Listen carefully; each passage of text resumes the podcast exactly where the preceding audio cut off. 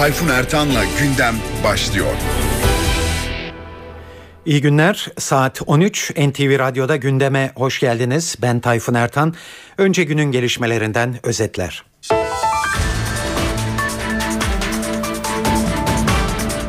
Gezi protestolarının 15. gününde polis pankart, afiş ve barikatları kaldırmak için Taksim Meydanı'na girdi. Gezi Parkı'ndaki gösterilere müdahale edilmedi. Başbakan Erdoğan yarın Gezi Parkı'ndan bir heyetle Ankara'da görüşecek. Amerika'da Beyaz Saray Sözcüsü Jay Carney olayları yakından ve endişeyle incelemeye devam ediyoruz dedi. Ve gündemin bugünkü canlı yayın konuğu Profesör Ersin Kalaycıoğlu.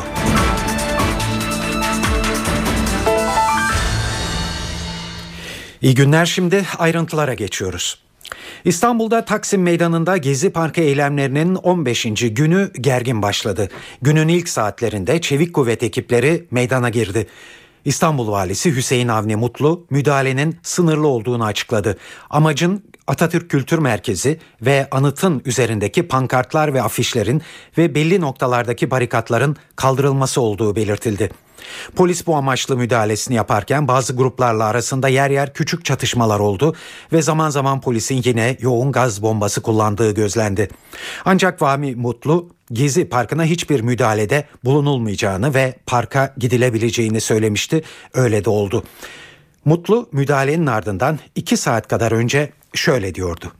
Atatürk heykelimiz ve Atatürk Kültür Merkezi üzerinde asılı olan pankart, döviz, resim ve bunun benzeri materyallerin kaldırılmasına yönelik ve sadece bu amaca matuf olmak üzere emniyet birimlerimiz tarafından yapılmış olan bir çalışma gerçekleştirilmiştir. Bu çalışmanın hedefi Taksim Meydanı'na çıkıldığı andan itibaren kamuoyuyla net bir şekilde paylaşılmış ve bu çalışmanın hedefleri, sınırları, kapsamı doğrultusunda detaylı bilgi kamuoyumuzla detaylı bir şekilde de paylaşılmıştır. Kesinlikle Gezi Parkı ile ilgili orada bulunan insanlara yönelik herhangi bir müdahalenin olmayacağı, keza bu müdahale kapsamında Taksim'e yönelik de herhangi bir müdahale yaklaşımı içerisinde bulunmadığımızı ifade ettik. Ve bu çerçevede şu ana kadar gayretlerimizi yoğun bir şekilde sürdürdük ve gerek Atatürk Anıtı gerekse Atatürk Kültür Merkezi ile alan etrafında bulunan önemli miktardaki ifade etmiş olduğum materyaller toparlandı. Bu çalışmasını yürütmeye çalışan emniyet mensuplarıyla bazı münferit grupların kişisel veya küçük gruplar halinde çatışmaya girmek istedikleri ve bu çerçevede polisimizle de yer yer çatıştıkları görüldü.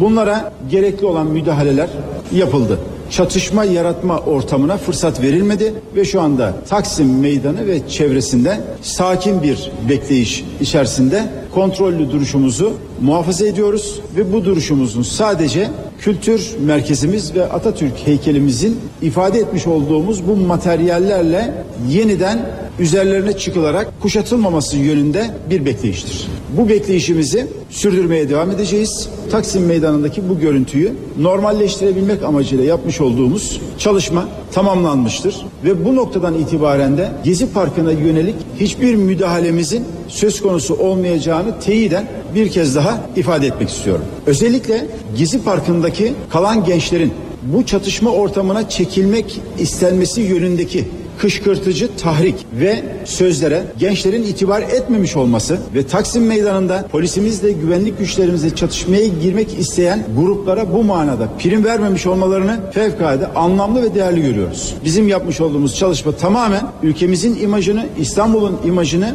bozan ve Atatürk'ümüzün heykelini, kültür merkezini adeta bir reklam panosu haline çeviren bu görüntüleri ortadan kaldırmak amaçlıdır. Sadece bu amaçla yapılmış olan sabahki planlamamızın bunun ötesinde herhangi bir belirleyici e, tavrı yoktur. Gezi Parkı'nda bulunan gençlerle, insanlarımızla elbette ki e, farklı şekillerde temaslarımızı sürdürüyoruz. Netice itibariyle bugün de gerçekten fevkalade iyi bir duruş sergilemişlerdir. Uygun bir zamanda görüşmeyi veyahut da onların belki bizi ziyaret ederek görüşmemizi sağlayabiliriz. Yeni diyaloglara hepimizin ihtiyacı vardır.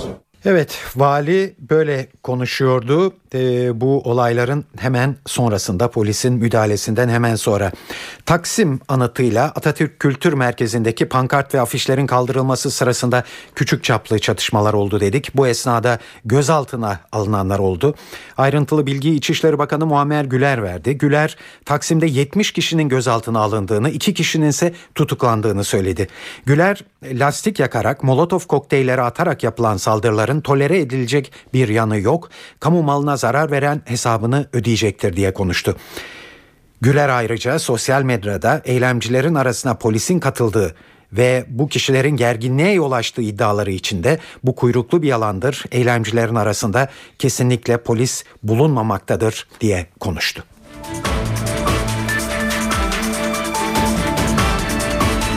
Evet sabah saatlerindeki bu gelişmeden sonra Taksim'de son durumun ne olduğunu yansıtacağız şimdi sizlere. Meydan büyük ölçüde sakin görünüyor. Harbiye ve Dolapdere taraflarında polisle göstericiler arasında yer yer çatışmaların olduğu haberleri gelmekte. Taksim meydanında göstericilerin toplanmasına izin verilmiyor. Atatürk anıtının çevresi polislerle çevrilmiş durumda.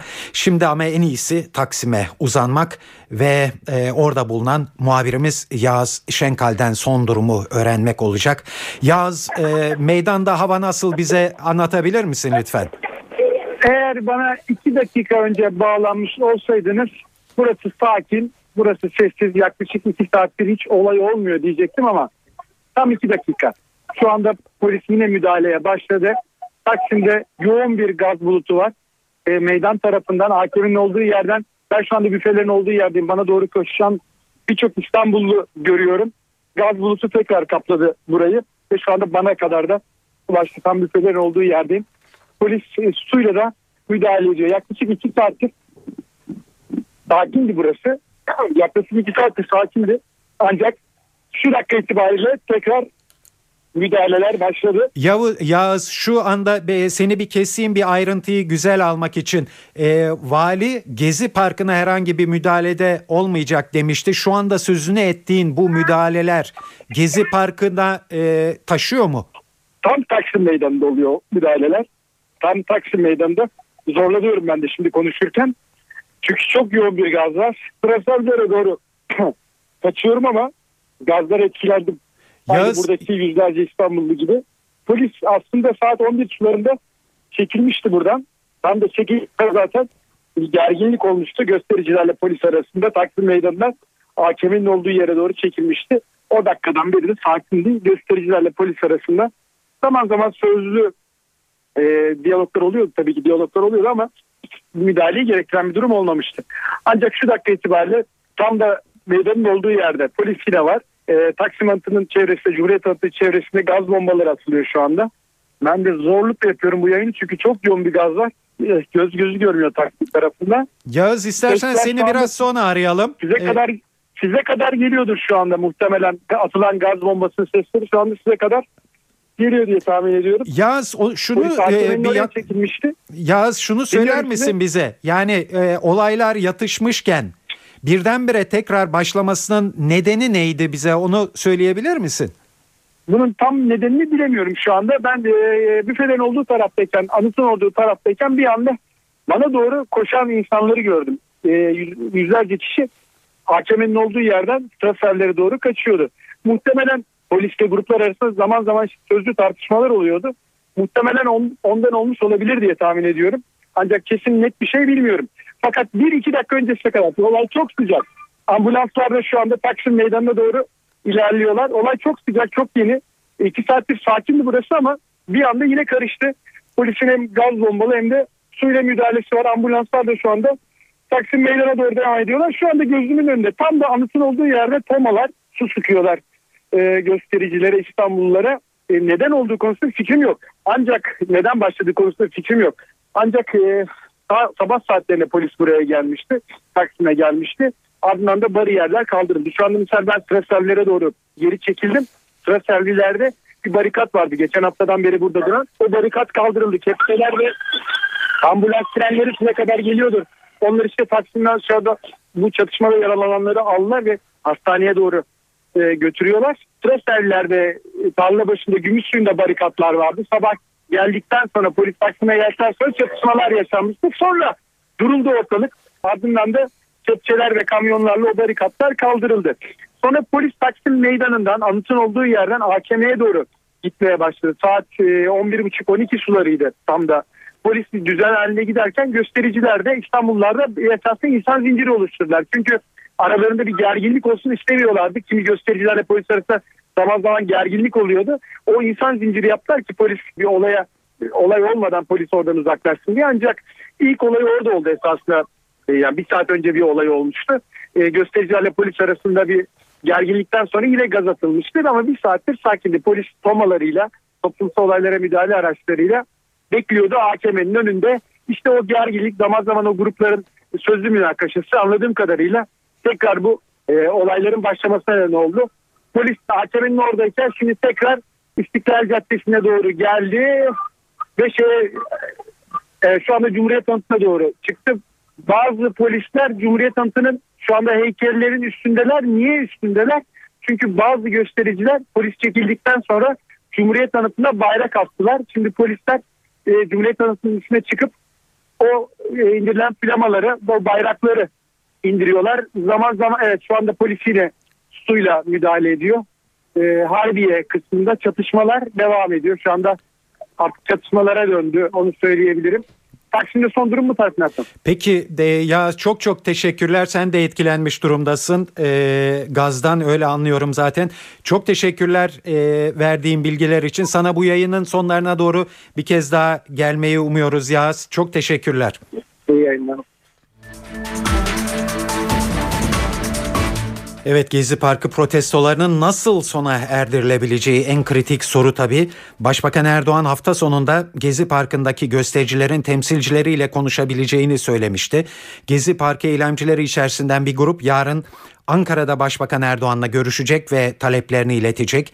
Hükümetin bu heyeti dinleyeceği, bunun ardından da içinde aktivist ve sanatçıların da yer aldığı bir akil insanlar heyeti kurabileceği söylenmekte.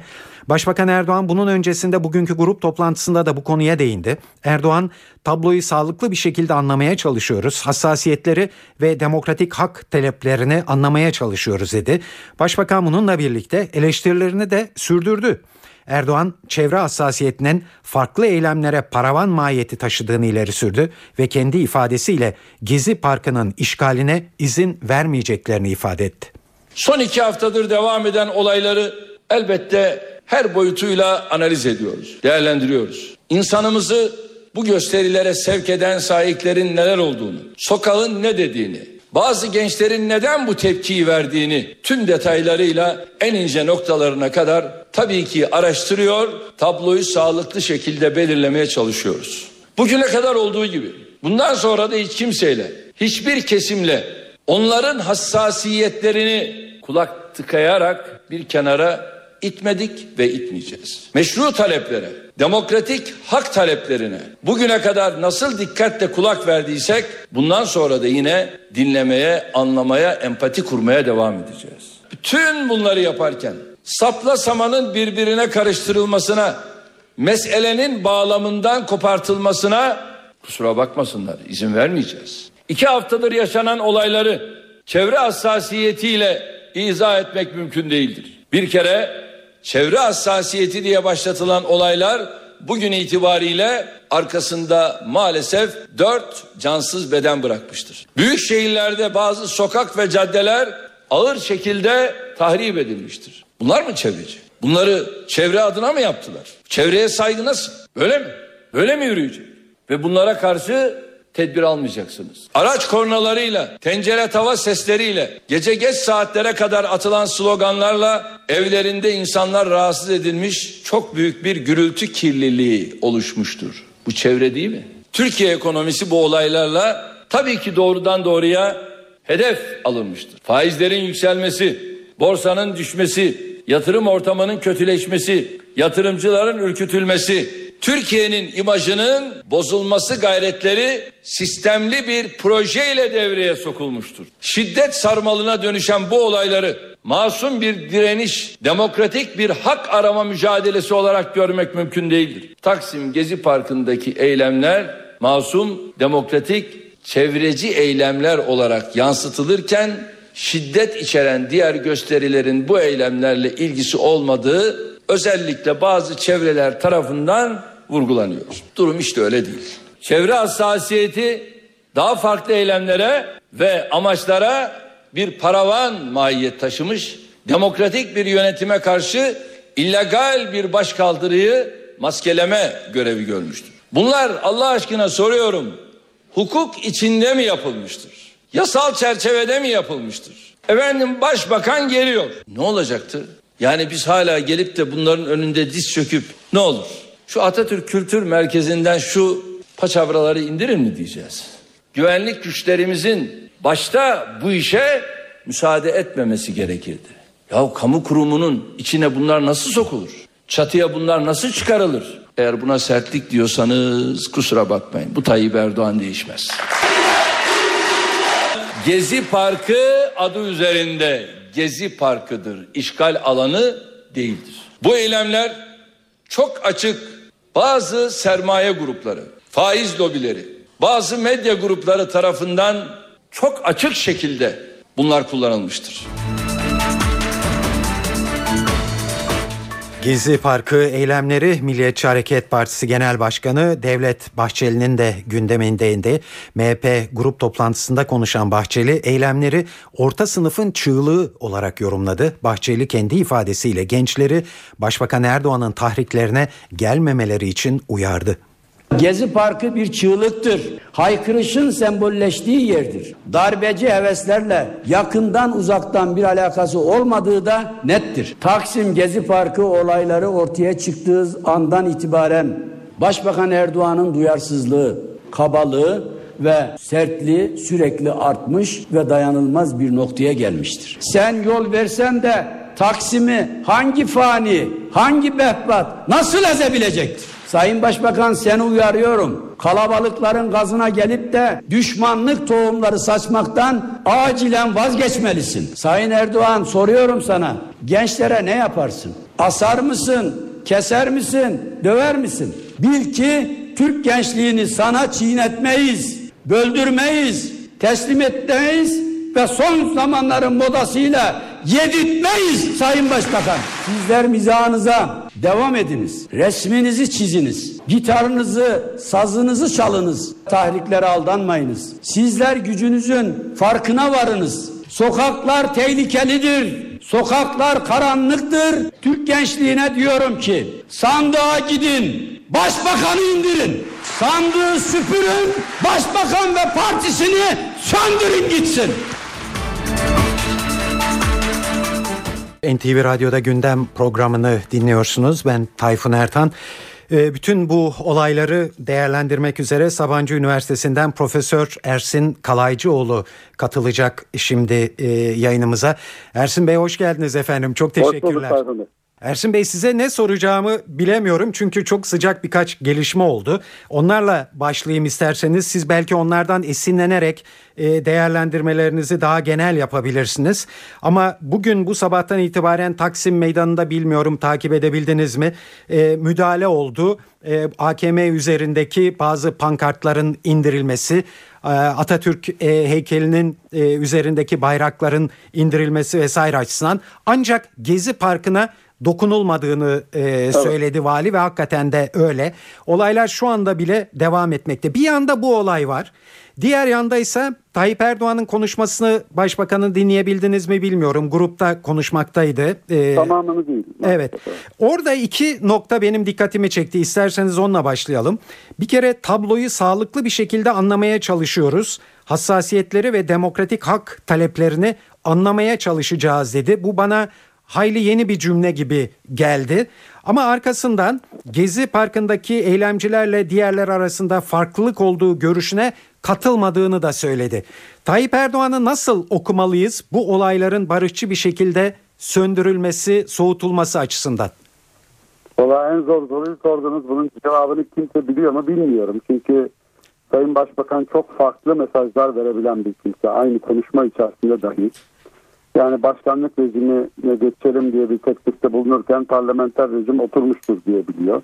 Dolayısıyla e, ne anlamamız gerektiğini biz de anlamaktan aciz hale geliyoruz. Ama temel itibariyle tabii eğer e, anlamaya çalışılıyorsa e, karşı karşıya oldukları gelişme bu çok önemli bir adım.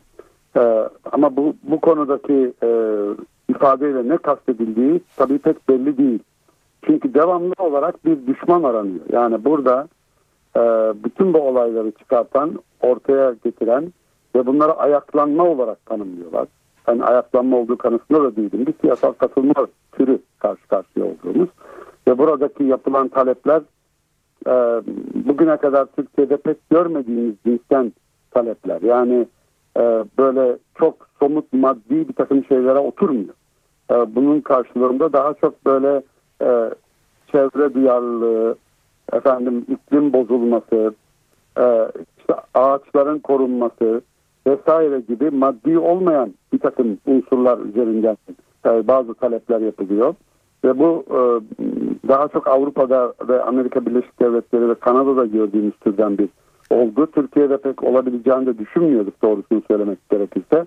İlk defa böyle maddi ötesi taleplerle ortaya çıkan ve bu talepleri yapanların da genellikle böyle yakıp dökmeyle, kırmayla, maddi bir takım şeylere yönelmeyle ilişkisi olmuyor. Türkiye'de olmadı. Yani dükkanlara gidelim, alışveriş merkezlerini yağmalayalım falan böyle bir görüntüyle karşı karşıya kalmadık.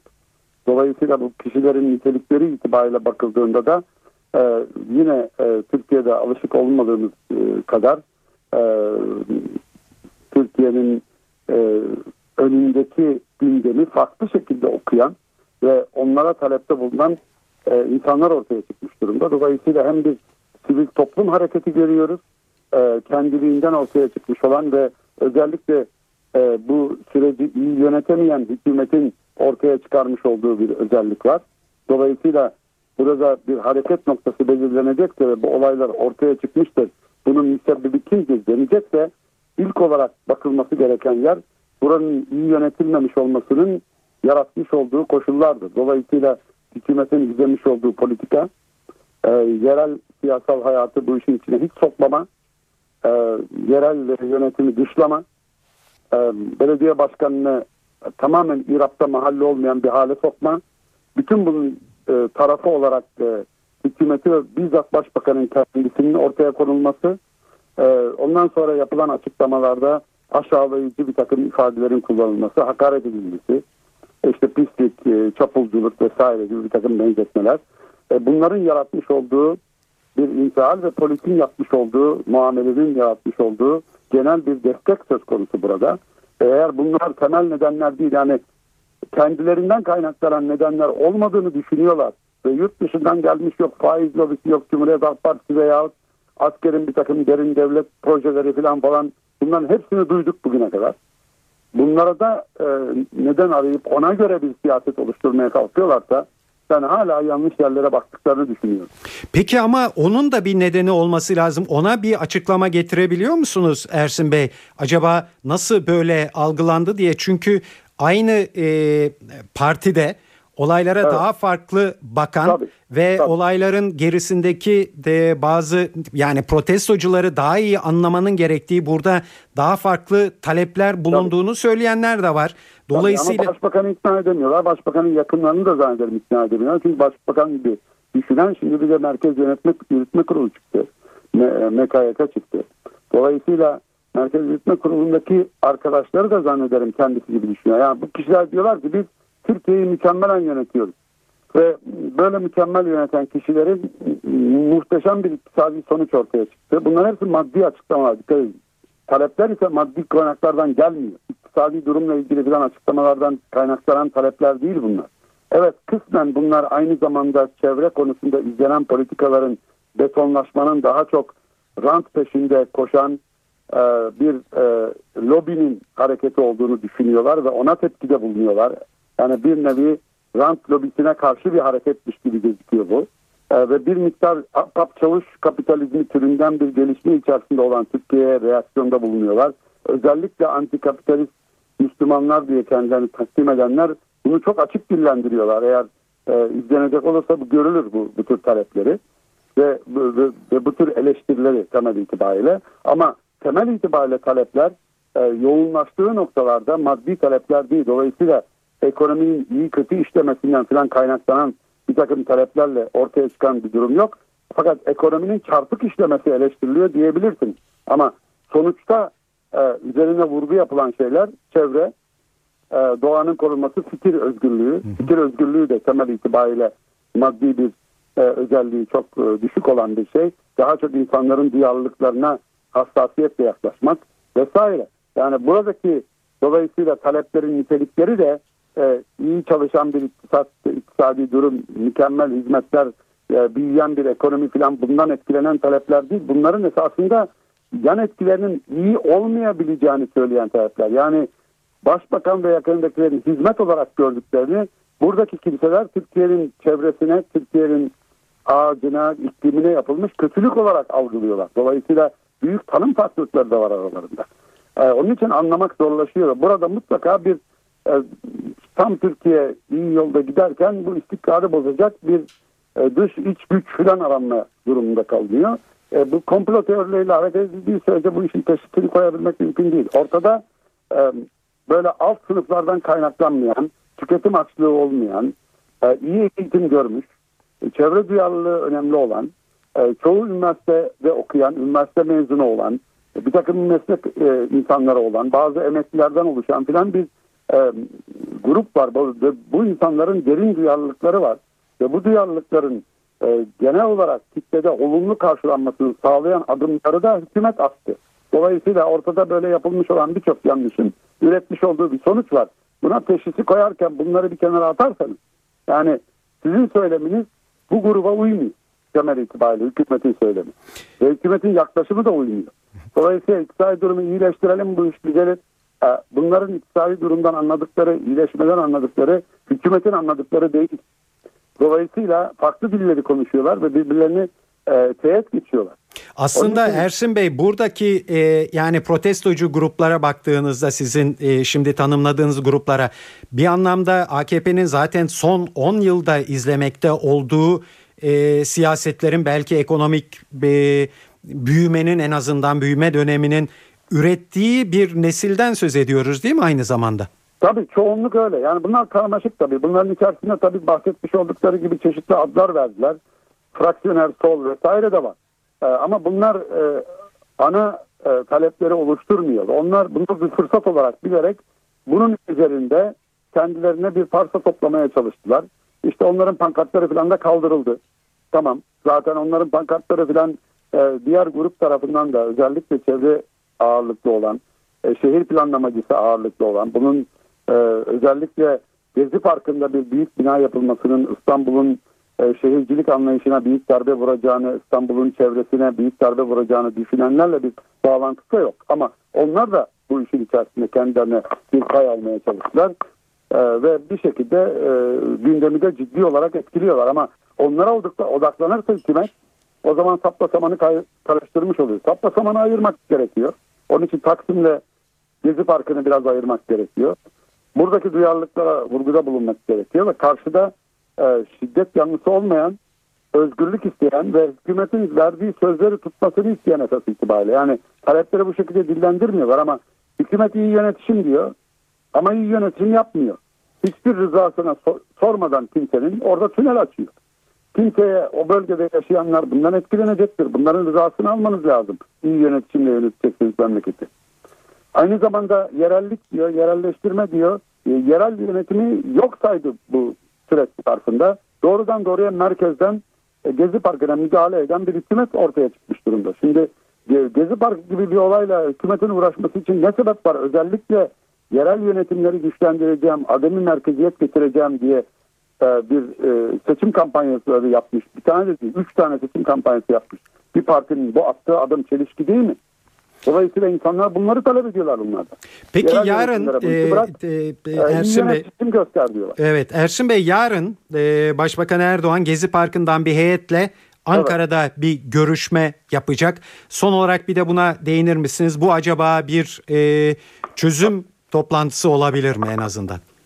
E, yani bu insanları eğer paydaş olarak kabul ederse yani bir takım düşmanların ajanları olarak değil de e, aynı gemide kendisiyle beraber seyahat etmekte olan dolayısıyla çıkarları aynı yönde olan insanlar olarak kabul edecek olursa ve onları gerçekten anlamaya çalışırsa bunlar onun konuştuğu dilden konuşmuyorlar. O maddiyat dili konuşuyor.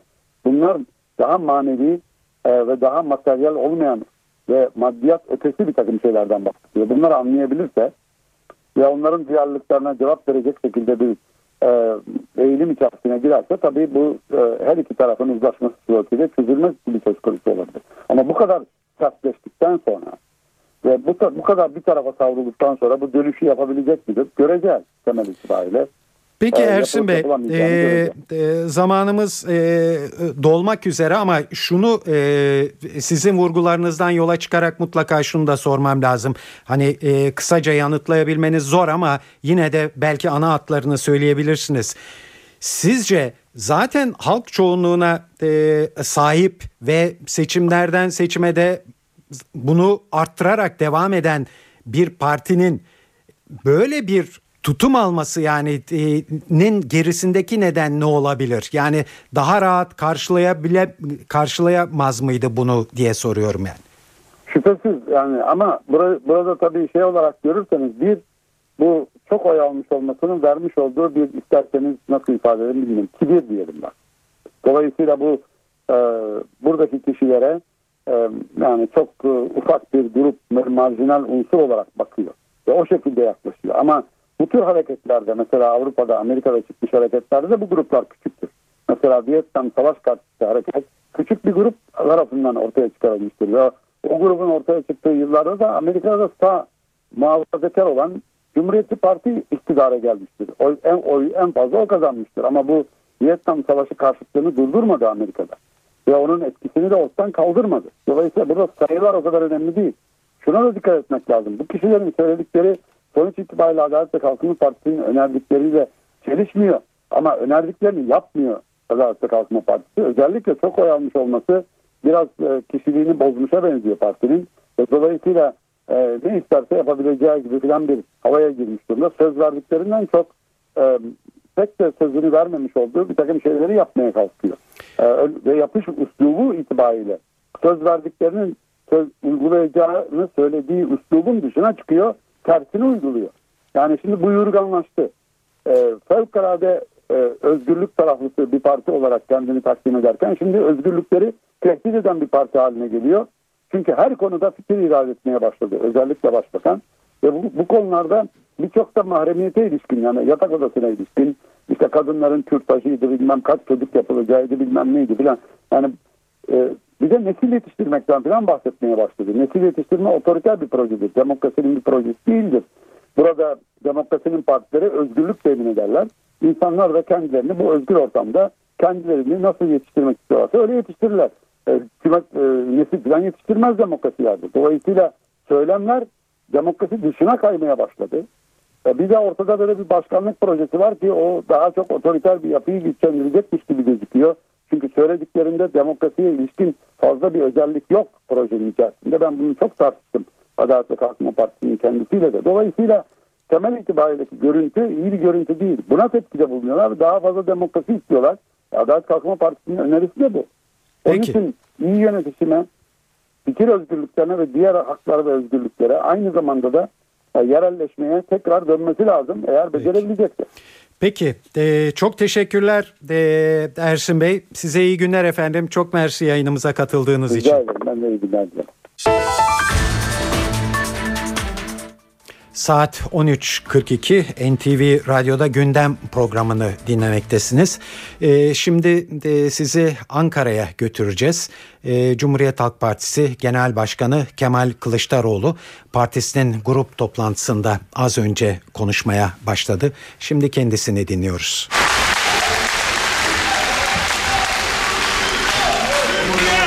Herkes herkes şunu çok iyi bilsin.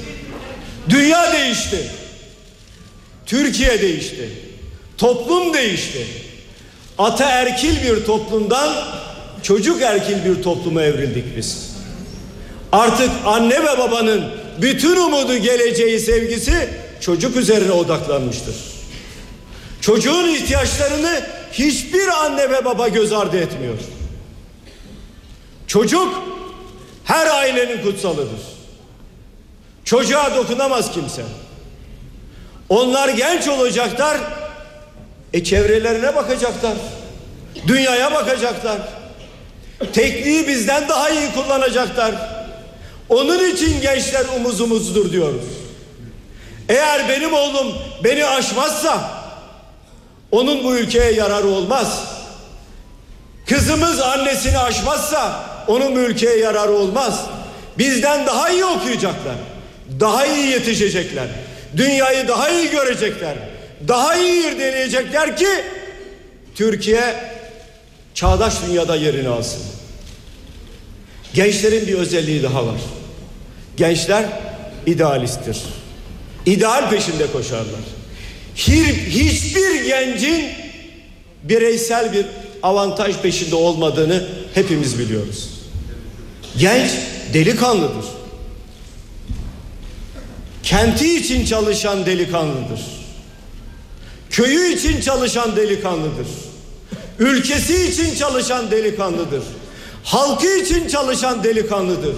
Halkının çıkarlarını savunan delikanlıdır. Gençtir bu. Genç onun için her ülkenin umudu ve geleceğidir. Gençlerimize sahip çıkmak, onları dinlemek de her siyasal parti liderinin temel görevidir.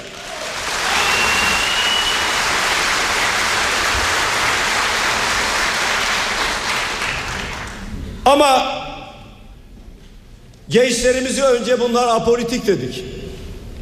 Bunlar Türkiye'nin ve dünyanın sorunlarını bilmiyor dedik. En iyi biz biliriz dedik. Bu gençler bir şeyden anlamaz dedik. Bunlar bilgisayar çocukları dedik. Ama gençler kendilerini bize de Türkiye'ye de dünyaya da gayet güzel anlattılar. Biz apolitik değiliz. Biz ülkenin bütün sorunlarını biliyoruz dediler. Bu gençlik Türkiye'nin küresel kuşağıdır. Dünyaya en iyi okuyan kuşaktır. Onun içindir ki küçük bir parkta yeşeren filiz bütün dünyada ses getirdi. Amerika'dan Almanya'ya kadar, Fransa'dan Japonya'ya kadar, Rusya'dan İspanya'ya kadar, Avustralya'ya kadar ses getirdi. Çünkü bu kuşak küresel bir kuşaktır. Bu kuşak sadece Türkiye'nin değil, dünyanın sorunlarıyla ilgilenen kuşaktır. Bu kuşak bizim geleceğimizdir. Çağdaş Türkiye'nin geleceğidir ve bizim güvencemizdir bu kuşak.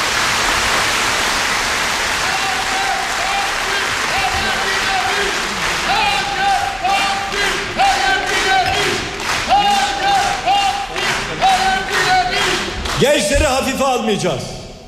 Hiç kimsenin de gençleri hafife almasını istemem. Gençlere geleceğimiz diyorsak hafife almayacağız. Ve onları dinleyeceğiz. Ne istiyor bu gençler? Daha fazla demokrasi istiyorlar. Daha fazla özgürlük istiyorlar. Çevreye saygı istiyorlar. Her şeyden önemlisi insana saygı istiyorlar. Gençlerin istediği bu. Çok şey mi istiyorlar? Hayır efendim. Demokrasiyi ben getireceğim. Sen isteme. Özgürlüğü benim istediğim kadar vereceğim. Sen fazla isteme. Bu gençlik bunu reddediyor. Daha fazla demokrasi, daha fazla özgürlük diyor.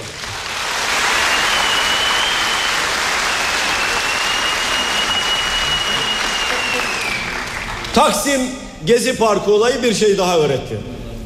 Cumhuriyet gerçekten gereğini yapmış. Emin ellere teslim etmiş Cumhuriyeti Mustafa Kemal Atatürk. Gençlere emanet edilmiş.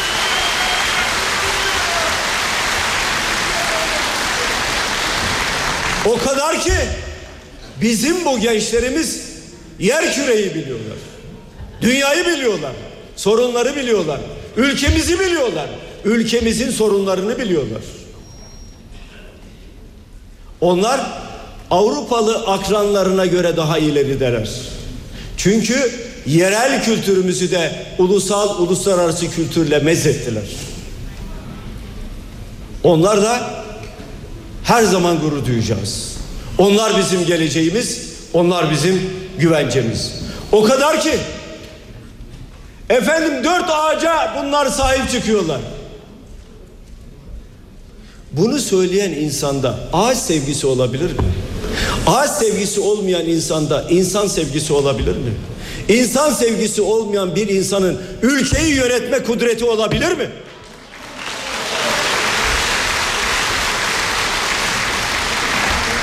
O çocuklarımız eylem yaptı. Doğrudur. Bütün dünya sahip çıktı. Doğrudur. Yerleri temizlediler, kirlenen yerleri. Doğrudur. Kütüphane kurdular kendilerine. Doğrudur. Bütün halk destek verdi. Doğrudur.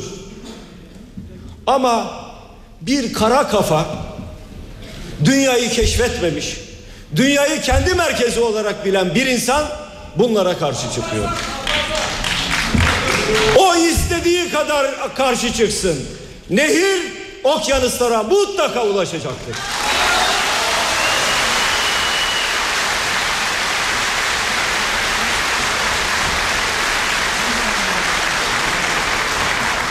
Toplandılar, hiçbir ayrım yapmadılar aralarında. Farklı dünya görüşlerine sahipti bu insanlar. Kimi başörtülü, kimi başörtüsüz. Kimi genç, kimi yaşlı. Bir aradalar. Farklı siyasal görüşleri savunuyorlar. Ama bir arada bizim özel yaşamımıza müdahale etmeyin diyorlar. Ne kadar güzel değil mi? Bir demokrasi dersini veriyorlar siyasal iktidara. Sen bizim özel yaşamımıza müdahale edemezsin diyorlar.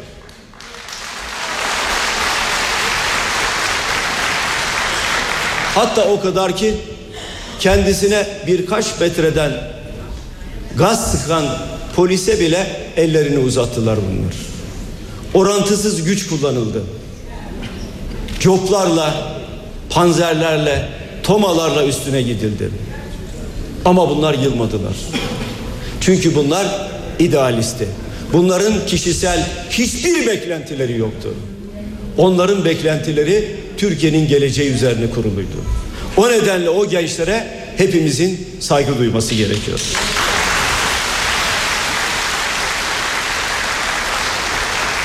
Değerli arkadaşlarım,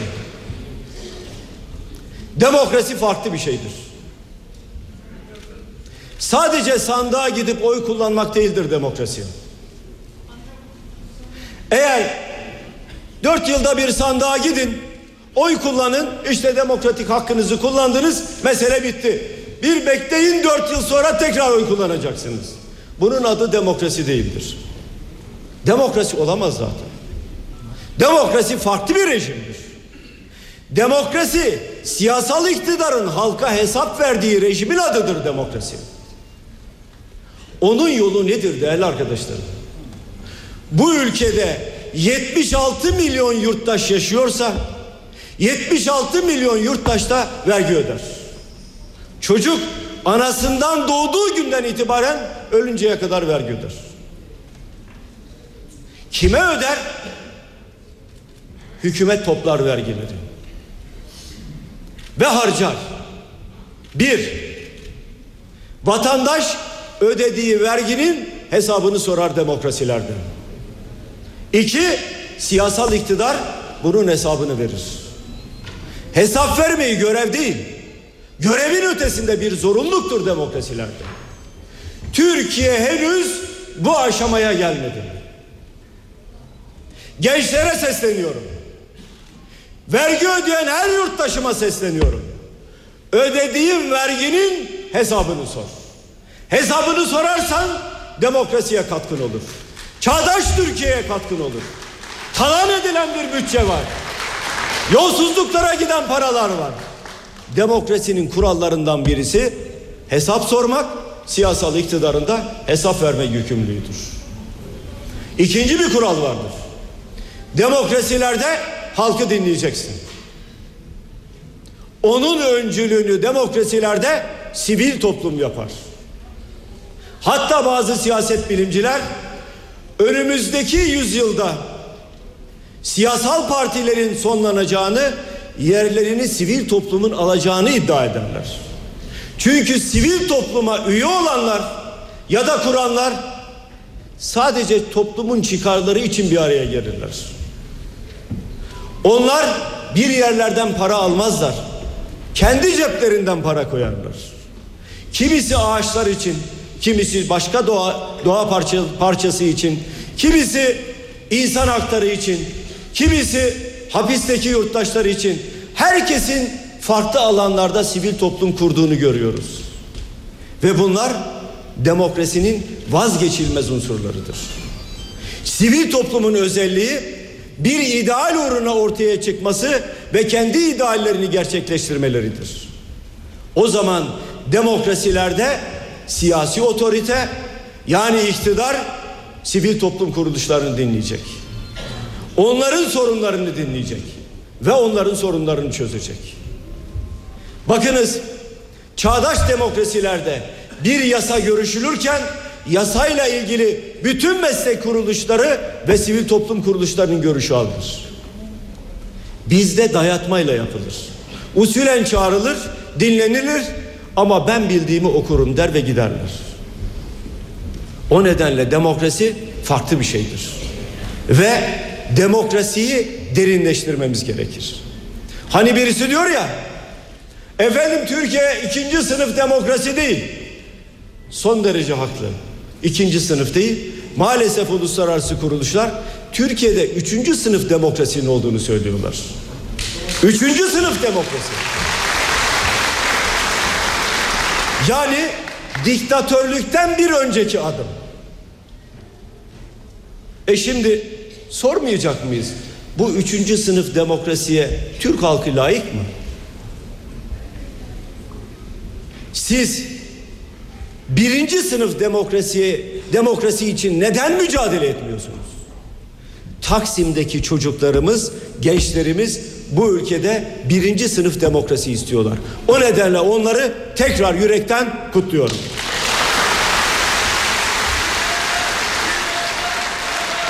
NTV Radyo Demokrasi devletin soğuk yüzünün en az göründüğü rejimdir. Devletin soğuk yüzü görünmez demokrasilerde. Vatandaş vardır. Sivil toplum vardır. Eğer egemenliği siz parçalarsanız demokrasiyi güçlendirirsiniz.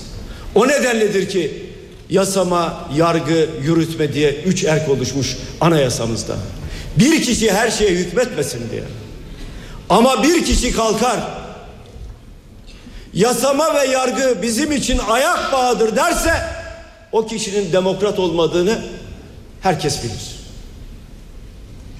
Bunu söyleyen kişi bugün bize demokrasi dersi vermeye kalkıyor. Sen kim? Demokrasi kim? Sen kim? Özgürlük kim? Sen önce otur kendine bir bak bakalım.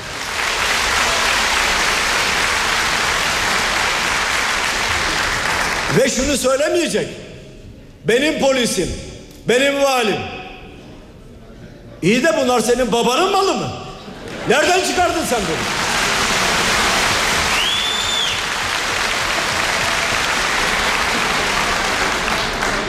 Vali devletin valisidir, polis de devletin polisidir. Ama sen bunları kendi polisin kendi valin haline getirdin. O nedenle ben sana diktatör diyorum Recep Tayyip Erdoğan.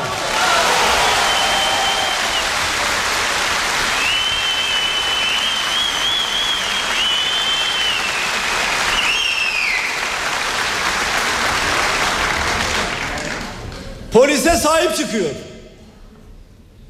Ya polis halkın polisidir. Senin polisin değil ki. Polis bizim çocuklarımız onlar. Sen ne yaptın? Halkla polisi karşı karşıya getirdin. Bu ayıp sana zaten yeter. Polisi savunuyor.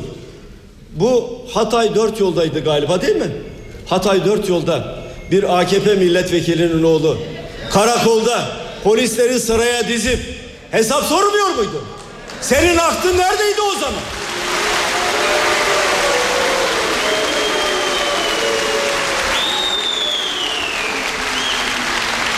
Kalkmışsın polisi savunuyorsun. Neden?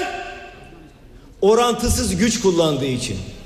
Onu aşkın yurttaşımızın gözü çıkarıldı. Polis kurşunuyla bir kişi Ankara'da öldürüldü. Polise saygımız var. Hiç kimsenin endişesi olmasın. Halkın polisine saygımız var. İktidarın polisini asla istemiyoruz.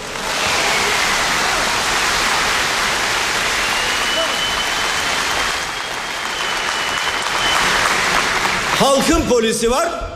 Recep Tayyip Erdoğan'ın polisi var. Halkın polisine bir sorunumuz yok. Onlar en zor koşullarda görev yapıyorlar. Günün 24 saatinde çalışıyorlar. Birinci dereceye düşseler bile birinci dereceden emekli olamıyorlar. Onlara kim sahip çıkıyor? Halkın polisine Cumhuriyet Halk Partisi sahip çıkıyor. Diyeceksiniz ki nasıl sahip çıkıyor? Halkın polisinin özlük haklarının iyileştirilmesi için üç tane yasa teklifi verdik. Altında kapı gibi Cumhuriyet Halk Partisi milletvekillerinin imzası var. Şimdi Recep Tayyip Erdoğan'a sesleniyorum. Halkın polisinden yanaysan, halka orantısız güç kullanmayan polisten yanaysan, gel şu polislerin özlük haklarını düzeltelim.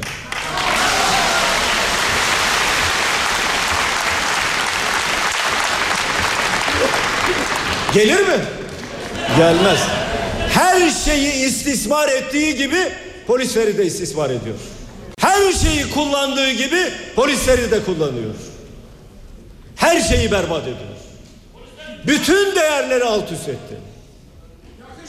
Bakınız bugün halkın oyuyla seçilen 8 milletvekili hapishanelerde ikinci yılını doldurdu.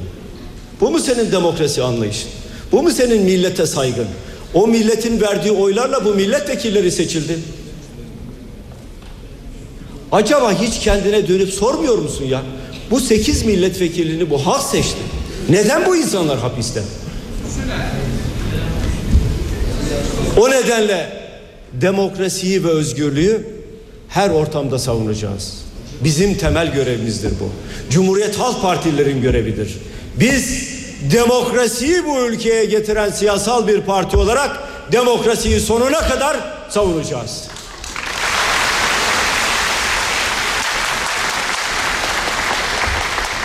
Eğer Recep Tayyip Erdoğan güzel bir şey yapmak istiyorsa çok basit. Gençlerin sözlerine kulak vermeli.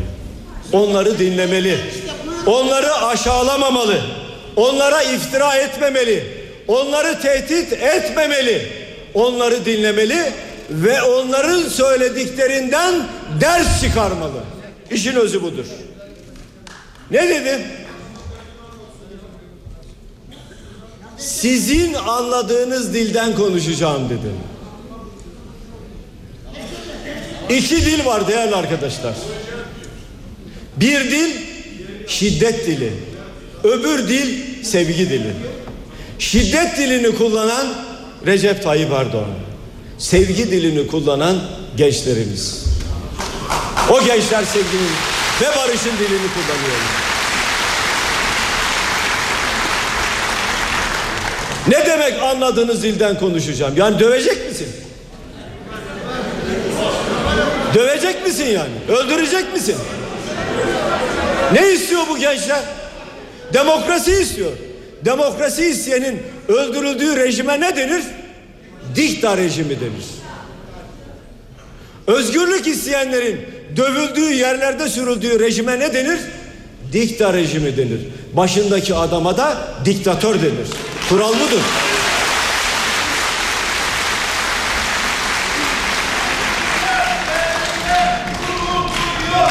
Değerli arkadaşlarım. Bir şeye daha dikkatinizi çekmek isterim. Bütün Türkiye psikanalize merak sardı. Gerçekten. Herkeste bir korku hakim. Eyvah! Recep Tayyip Erdoğan konuşacak. Bu korkuya gelin. Allah. Bu korku var. Allah belasını Köşe yazarları, bilim insanları, sade vatandaş, Allah belasını versin. hepimiz psikolog olduk. Hepimiz vazgeçirmeye çalışıyoruz. Aman ha ya yapma etme eyleme. Memleketi felakete götüreceksin. Sert konuşma diyoruz. Ama hayır diyor ben bildiğimi konuşacağım. Öfke baldan tatlıdır derler. Ama küpüne zarar verir. Sana zarar verse bir sorun yok. Ülkeye zarar veriyorsun sen.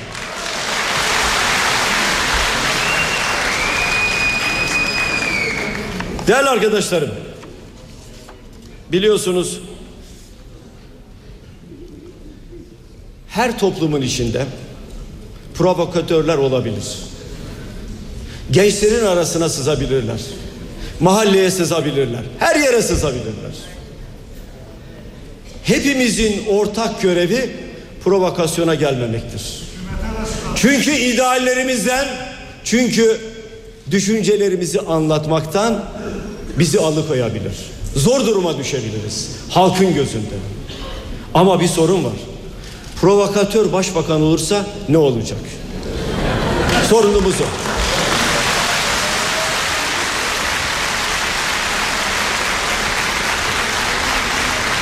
Ne söyledi? Gençler dedi camiye bira şişeleriyle girdi dedi. Akıl var mantık var. Ben Recep Tayyip Erdoğan'a cami hassasiyeti nedeniyle de olmasa daha değerli bir şey için bir soru sormak isterim. Sayın Recep Tayyip Erdoğan İncirlik üstünde Kur'an yırtılırken neden senin gıkıkın çıkmadı?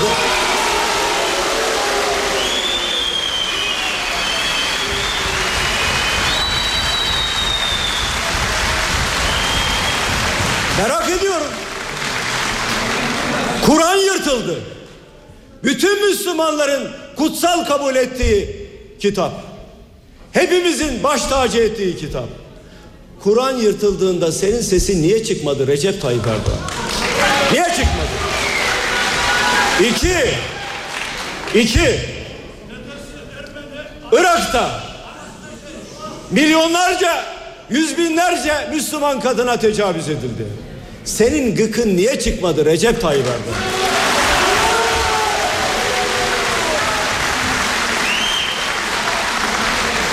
Ve sen ne yaptın? O tecavüzcülere başarılar diledin sen. Evet. Bu halk bunu unutmayacak.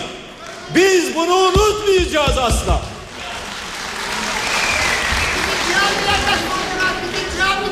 Bakın şimdi.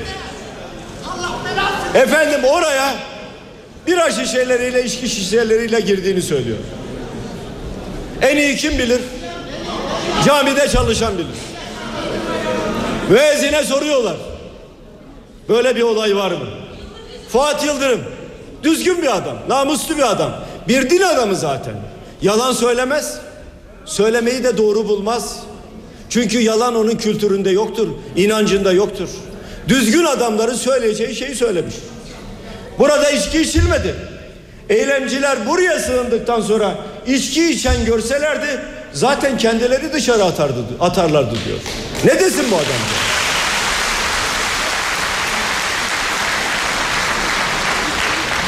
Caminin imamına soruyorlar.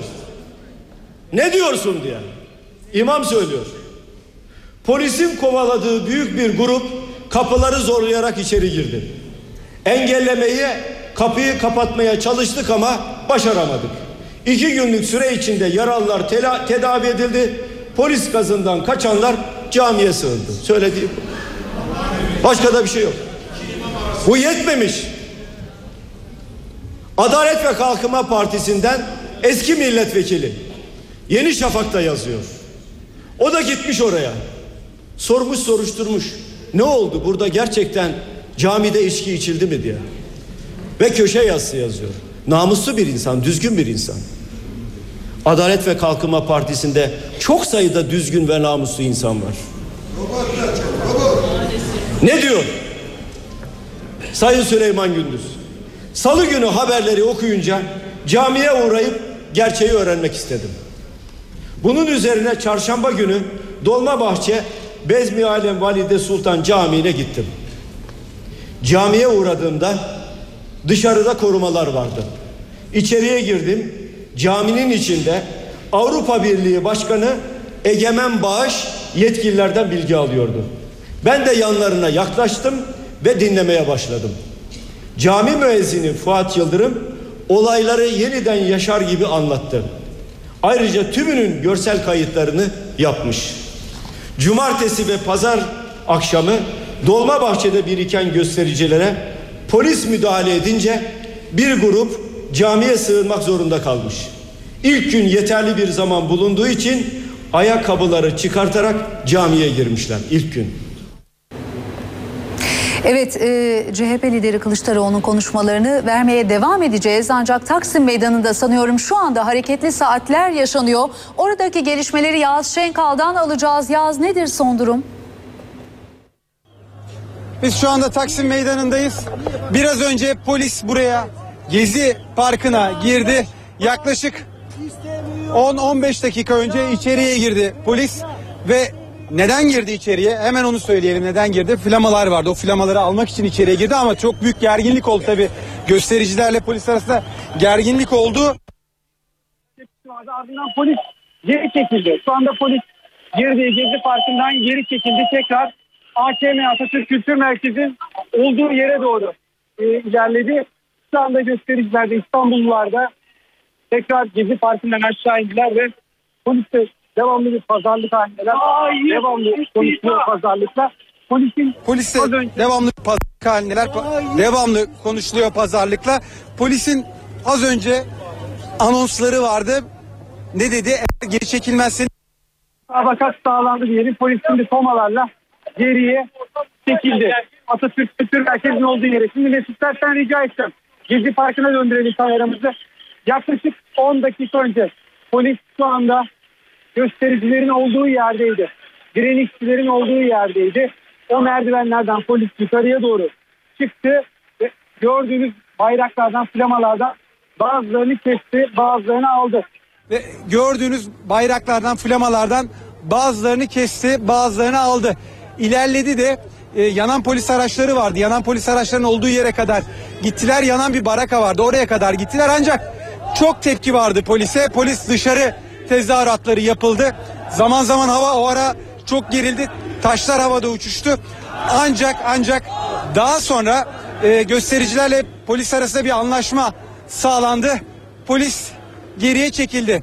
Yani şu anda yaklaşık saat 12 gibi oldu. Atatürk Kültür Merkezi'nin orada tekrar konuşlandı.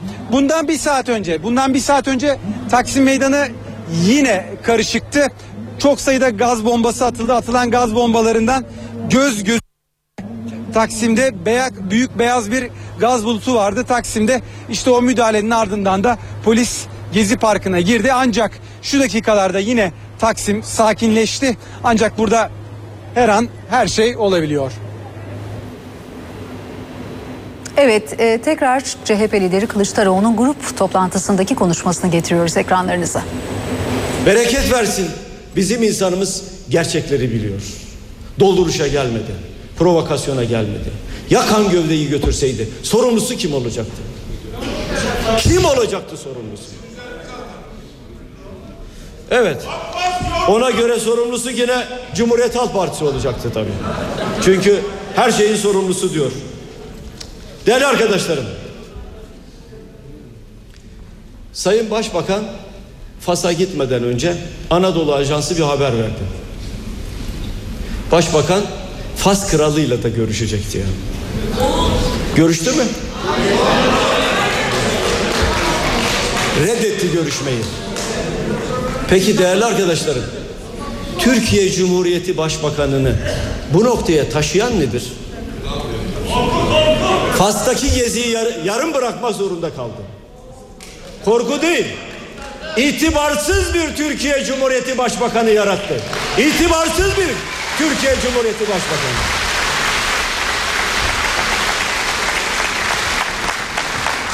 İran'da da öyle olmadı mı?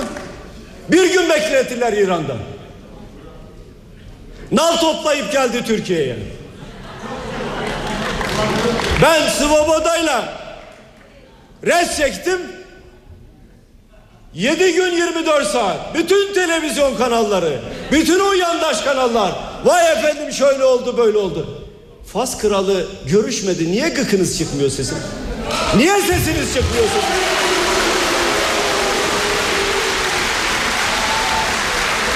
Korku dağları sarmış değil mi? Korkunun tutsağı olan demokrasiden söz edemez. Demokrasiden söz etmek için adam gibi adam olmak lazım ve yürekli olmak lazım.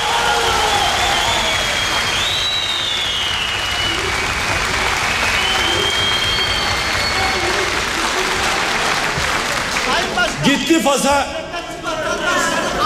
gitti Fas'a öyle bir konuşma yaptı ki son 10 yılın son 10 yılın en büyük borsa düşüşünü yaşadık değerli arkadaşlar.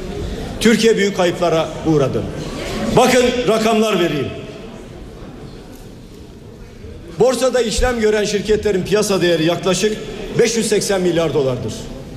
580 milyar lira. Bir haftada 22 milyar liralık kayıp yaşandı. Yani 12 milyar dolarlık kayıp verildi. Yazık günah değil mi bu ülkeye? Çıkıp bir konuşma yapıyorsun, berbat ediyorsun ekonomiyi. Kayıp sadece bununla da sınırlı değil değerli arkadaşlarım. Bugün Türkiye'nin net döviz açığı 434 milyar dolar. 434 milyar dolar. Reel sektörün açık pozisyonu 146 milyar dolar. Kurdaki artış nedeniyle 1.90'lara yaklaştı. Artış nedeniyle Türkiye'nin açık döviz pozisyonundaki zararı 9 milyar lira. Yani yaklaşık 4,5 milyar dolar. Reel sektörün zararı 3 milyar lira. Yaklaşık 1,5 milyar dolar. Yazık günah değil mi bu insanlara? Bu ekonomiye yazık günah değil mi? Şimdi piyasadaki bu çalkantının nedenini faiz lobisine bağladı. Hep her seferinde bir suçlu bulacak ya. Neyse bereket bu sefer CHP'yi bulmamış. Faiz lobisini bulmuş. Diyebilirdi yani CHP yaptı bunu. Dilin kemiği yok ki. Tek ayak üstünde 40 tane yalan rahat söyleyebilir. Ne diyelim?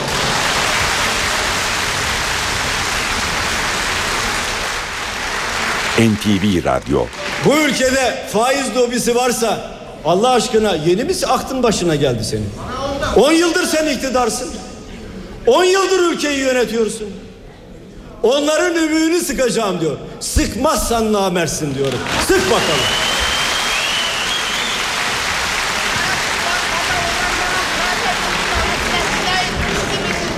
Diyor ki bakın size ekonomik tablo. Faiz lobisi diyorlar diye. Bu ülkenin kısa vadeli kısa vadeli dış borcu 16 milyar dolardı. Kısa vadeli dış borcu 16 milyar dolardı 2002'de. Şimdi 2013 kısa vadeli dış borç 16 milyar dolardan 115 milyar dolara çıkmış durumda. 16 milyar dolar 115 milyar dolar. Kısa vadeli dış borç 7 kat arttı. Ülkenin dış borcu, toplam dış borcu iktidar olduklarında 130 milyar dolardı. Şimdi 337 milyar dolar. İki buçuk kat arttı. Cari açık 2, 1950 ile 2002 52 yılda bütün hükümetlerin yaptığı cari açık 44 milyar dolar. Son 10 yılda oluşan cari açık 350 milyar dolar. 52 yılda 44 10 yılda 350 milyar dolar. Şimdi ben neden vatandaşlarıma soruyorum? Ödediğiniz verginin hesabını sorun diye.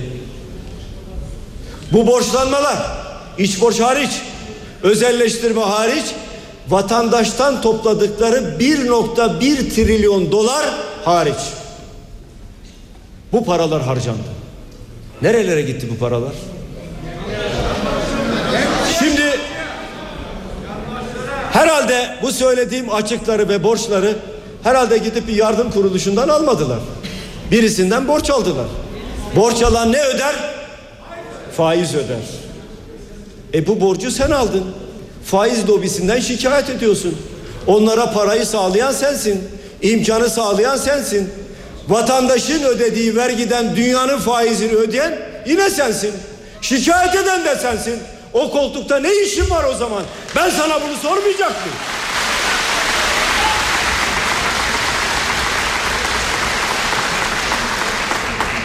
Sıkılmasa şunu söyleyecek. O gezi parkında oturan gençler var ya, bütün bu borçları onlar yaptırdı. Bütçe konuşmasında bir örnek vermiştim değerli arkadaşlar. Bütçe konuşmasında. Şu örneği vermiştim. 2012 yılı başında 2012 yılı başında Londra'da oturan bir vatandaş yani bir bankacı elinde sıcak para tutan birisi Türkiye'ye 1 milyon dolar para gönderse ve oynasa burada 2012 sonunda bu 1 milyon dolar 1 milyon 630 bin dolar ediyor. Bu kadar büyük avantaj sağlıyorsunuz bu faiz lobisine. Sağlayan kim? Recep Tayyip Erdoğan. Başka kim sağlayacak? Bizim sağlayacak halimiz yok herhalde. Aynı bankacı, aynı bankacı 1 milyon doları hazine borçlanma kağıtlarına yatırırsa bir yıl sonra 1 milyon 210 bin dolar kazanıyor. Yani 210 bin dolar kazanıyor. Dolar bazında bu kadar yüksek bir getiri başka hiçbir ülkede yok. Değerli arkadaşlarım,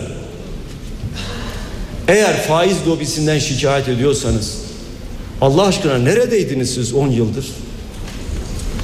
Niye şikayet etmediniz de şimdi aklınız başına, başınıza geldi? Ve değerli arkadaşlarım faizden şikayet ederler bunlar değil mi? Faizden şikayet ederler. Bakın 1979 2002 ödenen faiz 135 milyar lira. 2002 2012 AKP iktidarı döneminde ödenen faiz 135 milyar liradan 498 milyar liraya çıkmış durumda. 498 milyar lira sen faiz ödedin Recep Tayyip Erdoğan. Çık bunu millete bir anlat bakalım.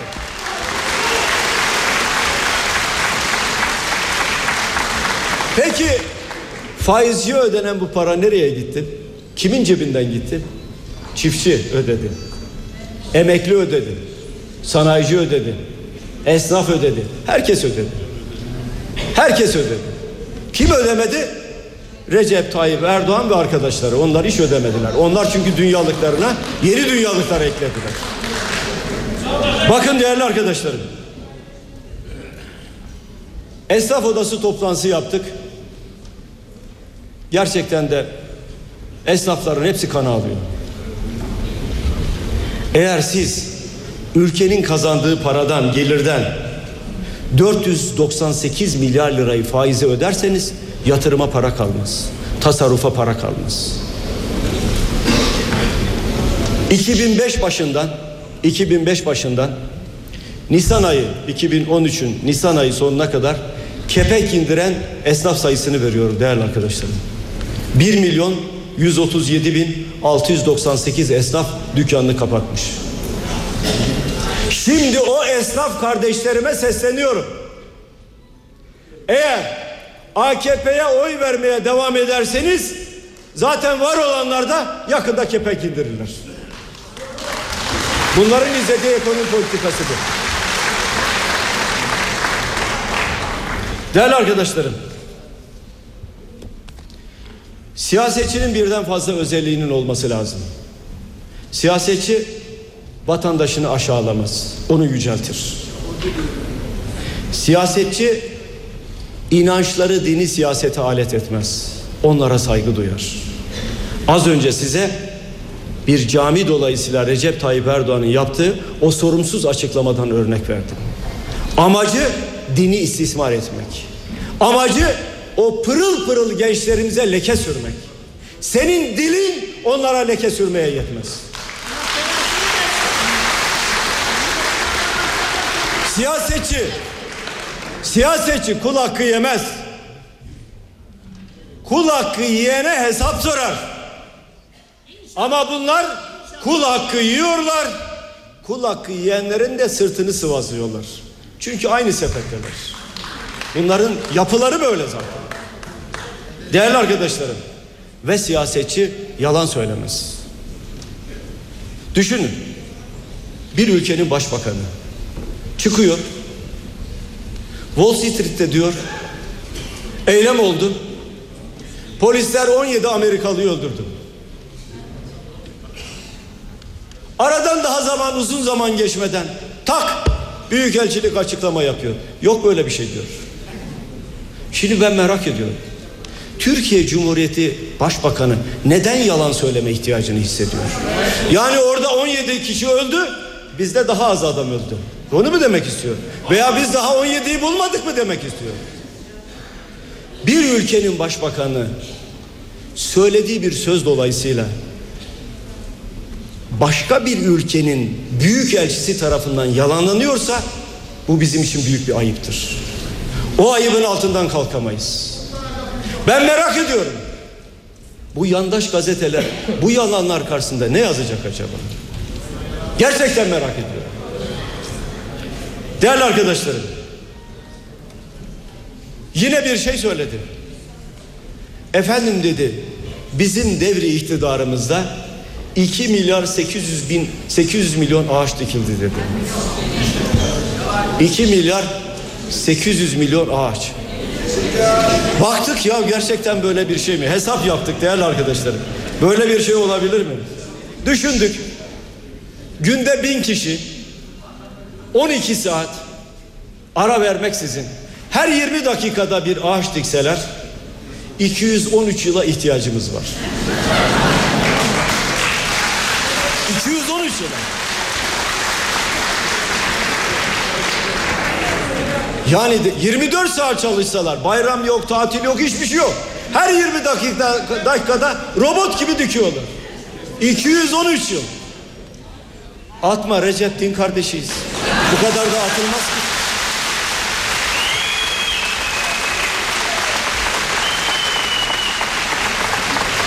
Hani meşhur bir fıkra vardı ya. Adamın birisi ölüyor, öbür dünyaya gidiyor. Bakıyor, bir duvar, ucu bucağı yok. Milyarlarca saat. Soruyor meleğe. Bu saatler nedir diyor. Valla diyor dünyada herkesin bir saati var burada diyor. Yalan söylediği zaman saat çalışır diyor. Bakıyor karşıda bir saat. 12'nin üzerinde akrep ve yel kovan duruyor hiç çalışmamış. Kimin saati bu? Valla diyor Türkiye'de diyor bir adam vardı Mustafa Kemal Atatürk. Hayatında hiç yalan söylemedi. Onun saati diyor.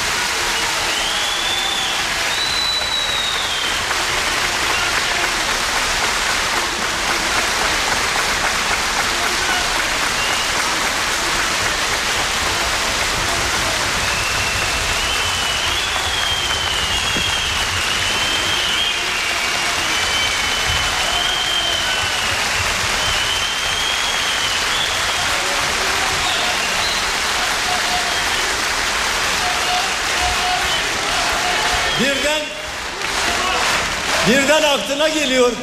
Ya diyor bizde diyor bir başbakan var diyor Recep Tayyip Erdoğan. Onun saati de var mı? Var diyor. Nerede diyor onun saatini bir göstersene. Onun saatini diyor cehennemde Azrail vantilatör olarak kullanıyor diyor.